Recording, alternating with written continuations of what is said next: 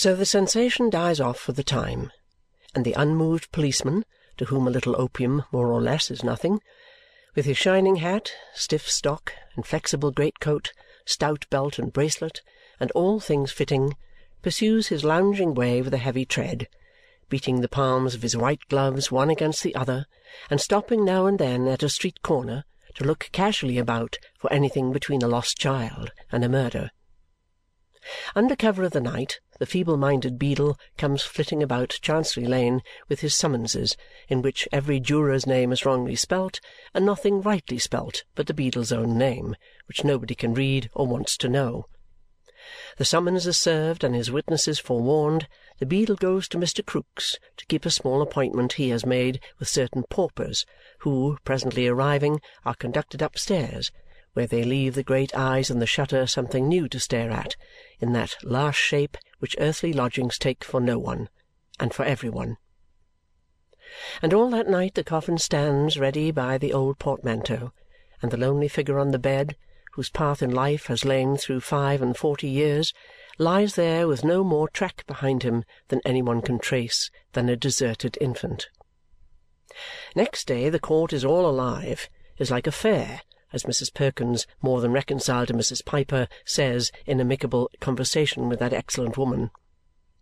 The coroner is to sit in the first-floor room at the Sol's Arms, where the Harmonic meetings take place twice a week and where the chair is filled by a gentleman of professional celebrity, faced by Little Swills, the comic vocalist, who hopes, according to the bill in the window, that his friends will rally round him and support first-rate talent. The Sol's Arms does a brisk stroke of business all the morning. Even children so require sustaining under the general excitement that a pieman, who has established himself for the occasion at the corner of the court, says his brandy balls go off like smoke. What time the beadle, hovering between the door of Mr. Krook's establishment and the door of the Sol's Arms, shows the curiosity in his keeping to a few discreet spirits and accepts the compliment of a glass of ale or so in return. At the appointed hour arrives the coroner, for whom the jurymen are waiting, and who is received with a salute of skittles from the good dry skittle ground attached to the Sol's Arms. The coroner frequents more public houses than any man alive. The smell of sawdust, beer, tobacco smoke, and spirits is inseparable in his vocation from death in its most awful shapes.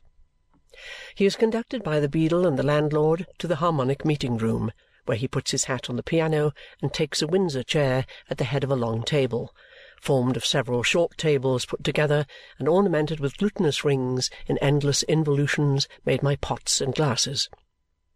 As many of the jury as can crowd together at the table sit there. The rest get among the spittoons and pipes or lean against the piano. Over the coroner's head is a small iron garland, the pendant handle of a bell, which rather gives the majesty of the court the appearance of going to be hanged presently. Call over and swear the jury. While the ceremony is in progress, sensation is created by the entrance of a chubby little man in a large shirt-collar, with a moist eye and an inflamed nose, who modestly takes a position near the door as one of the general public, but seems familiar with the room too. A whisper circulates that this is Little Swills, it is considered not unlikely that he will get up an imitation of the coroner and make it the principal feature of the Harmonic meeting in the evening. "Well, gentlemen," the coroner begins. "Silence there, will you?" says the beadle. Not to the coroner, though it might appear so. "Well, gentlemen," resumes the coroner, "you are impanelled here to inquire into the death of a certain man. Evidence will be given before you as to the circumstances attending that death, and you will give your verdict according to the skittles. They must be stopped, you know, Beadle. Evidence, not according to anything else. The first thing to be done is to view the body. Make way there! cries the beadle. So they go out in a loose procession, something after the manner of a straggling funeral, and make their inspection in Mr. Krook's back second floor, from which a few of the jurymen retire pale and precipitately. The beadle is very careful that two gentlemen, not very neat about the cuffs and buttons, for whose accommodation he has provided a special little table near the coroner in a Harmonic Meeting Room, should see all that is to be seen.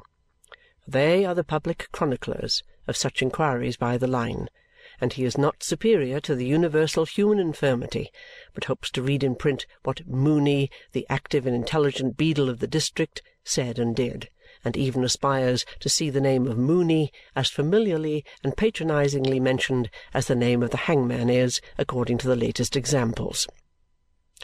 Little Swills is waiting for the coroner and jury on their return. Mr. Tulkinghorn also. Mr. Tulkinghorn is received with distinction and seated near the coroner, between that high judicial officer, a bagatelle board, and the coal box.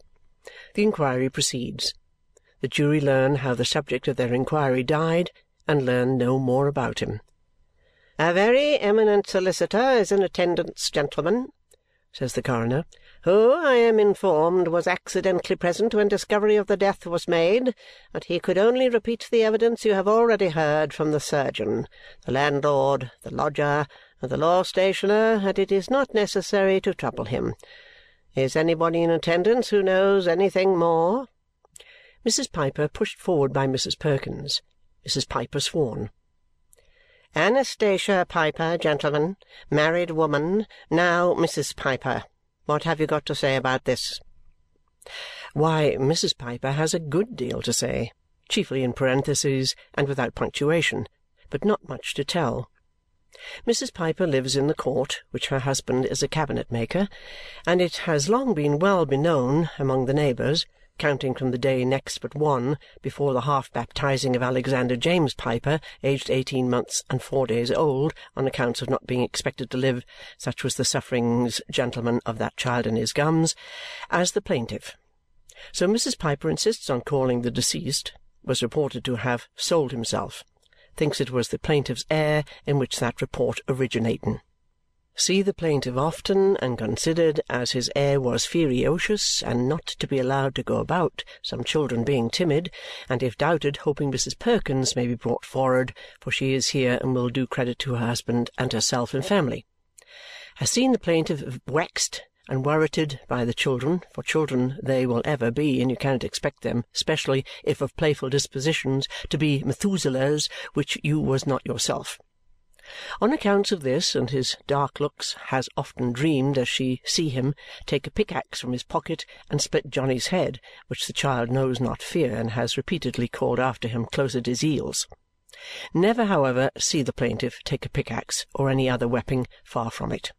Has seen him hurry away when run and called after as if not partial to children, and never see him speak to neither child nor grown person at any time excepting the boy that sweeps the crossing down the lane over the way round the corner, which, if he was here, would tell you that he has been seen a speaking to him frequent. Says the coroner, "Is that boy here?" Says the beadle, "No, sir, he is not here." Says the coroner, "Go and fetch him, then." In the absence of the active and intelligent, the coroner converses with Mr. Tulkinghorn. "Oh! Here's the boy, gentlemen." Here he is, very muddy, very hoarse, very ragged. Now, boy but stop a minute. Caution. This boy must be put through a few preliminary paces. Name, Jo. Nothing else that he knows on. Don't know that everybody has two names. Never heerd of sich a think. Don't know that Jo is short for a longer name. Thinks it's long enough for him. He don't find no fault with it. Spell it? No, he can't spell it. No father, no mother, no friends. Never been to school. What's home? Knows a broom's a broom, and knows it's wicked to tell a lie. Don't recollect who told him about the broom or about the lie, but knows both. Can't exactly say what'll be done to him arter he's dead if he tells a lie to the gentleman here but believes it'll be something wery bad to punish him and serve him right, and so he'll tell the truth. "This won't do, gentlemen," says the coroner with a melancholy shake of the head. "Don't you think you can receive his evidence, sir?" asks an attentive juryman. "Out of the question," says the coroner. "You have heard the boy. Can't exactly say. Won't do, you know. We can't take that in a court of justice, gentlemen. It's terrible depravity. Put the boy aside."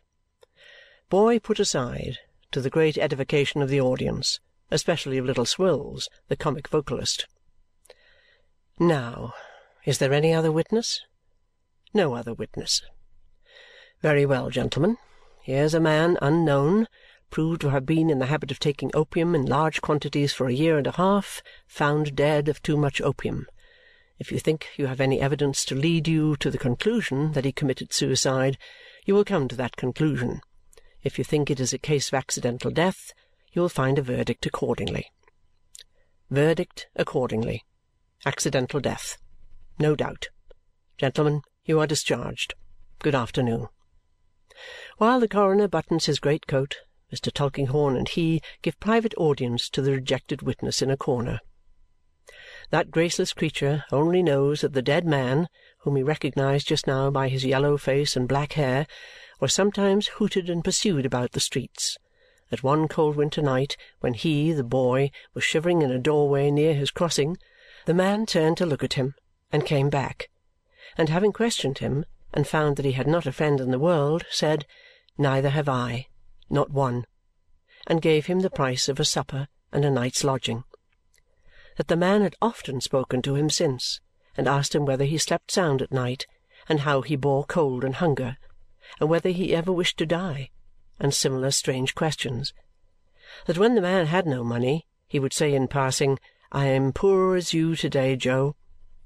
But that, when he had any, he had always, as the boy most heartily believes, been glad to give him some. "He was wery good to me," says the boy, wiping his eyes with his wretched sleeve. "When I see him a layin so stretched out just now, I wished he could have heerd me tell him so. He was wery good to me, he was." As he shuffles downstairs, Mr. Snagsby, lying in wait for him, puts a half-crown in his hand. "If you ever see me coming past your crossing with my little woman I I mean a lady," says Mr. Snagsby with his finger on his nose, "don't allude to it." For some little time the jurymen hang about the Sol's Arms colloquially. In the sequel, half a dozen are caught up in a cloud of pipe smoke that pervades the parlour of the Sol's Arms. Two stroll to Hampstead, and four engage to go half price to the play at night and top up with oysters. Little Swills is treated on several hands. Being asked what he thinks of the proceedings, characterizes them, his strength lying in a slangular direction, as a rummy start. The landlord of the Sol's Arms, finding Little Swills so popular, commends him highly to the jurymen and public, observing that for a song in character he don't know his equal, and that that man's character wardrobe would fill a cart. Thus, gradually the Sol's Arms melts into the shadowy night and then flares out of it strong in gas. The Harmonic meeting hour arriving, the gentleman of professional celebrity takes the chair, is faced, red-faced, by Little Swills. Their friends rally round them and support first-rate talent. In the zenith of the evening, Little Swills says, "Gentlemen, if you'll permit me, I'll attempt a short description of a scene of real life that came off here to-day." Is much applauded and encouraged. Goes out of the room as Swills. Comes in as the coroner, not the least in the world like him. Describes the inquest, with recreative intervals of pianoforte accompaniment to the refrain, with his, the coroner's, tippy-toll-ly-doll, tippy-toll-lo-doll, tippy-toll-ly-doll, D. The jingling piano at last is silent, and the Harmonic friends rally round their pillows. Then there is rest around the lonely figure now laid in its last earthly habitation, and it is watched by the gaunt eyes in the shutters through some quiet hours of night.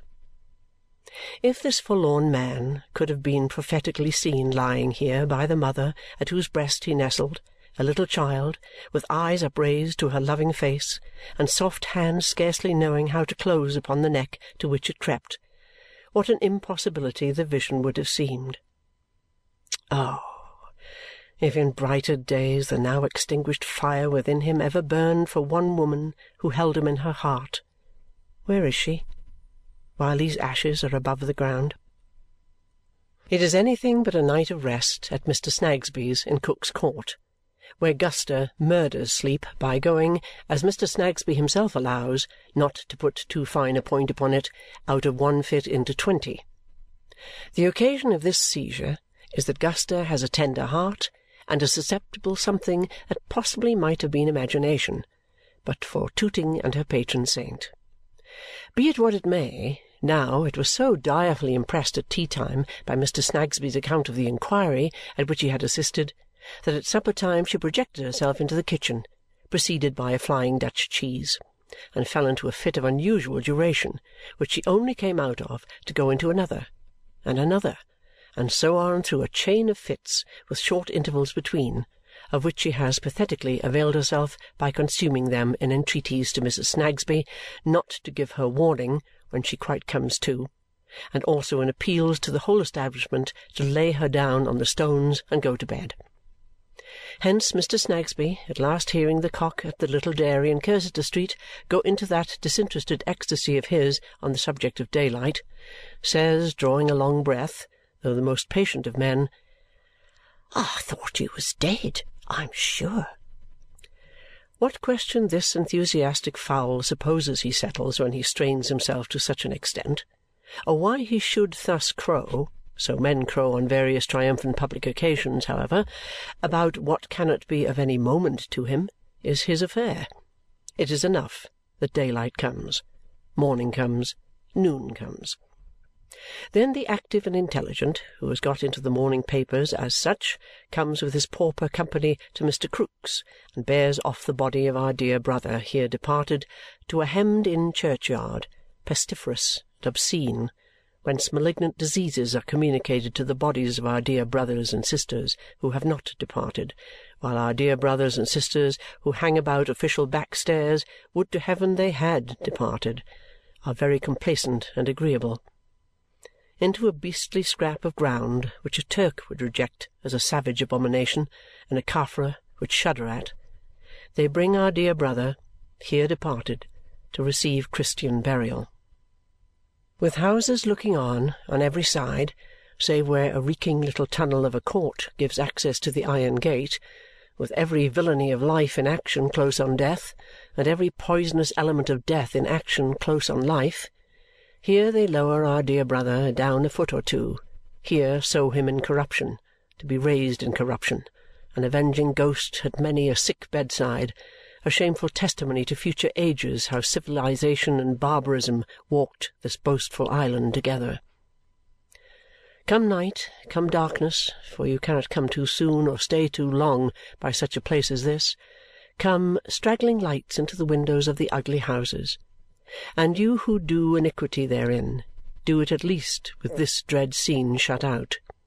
Come, flame of gas, burning so sullenly above the iron gate, on which the poisoned air deposits its witch ointment, slimy to the touch, it is well that you should call to every passer-by, Look here! With the night comes a slouching figure through the tunnel court to the outside of the iron gate it holds the gate with its hands and looks in between the bars, stands looking in for a little while. It then, with an old broom it carries, softly sweeps the step and makes the archway clean. It does so very busily and trimly, looks in again a little while, and so departs. Jo, is it thou? Well, well, thou a rejected witness, who can't exactly say what will be done to him in greater hands than men's, thou art not quite in outer darkness. There is something like a distant ray of light in thy muttered reason for this. He was very good to me, he was.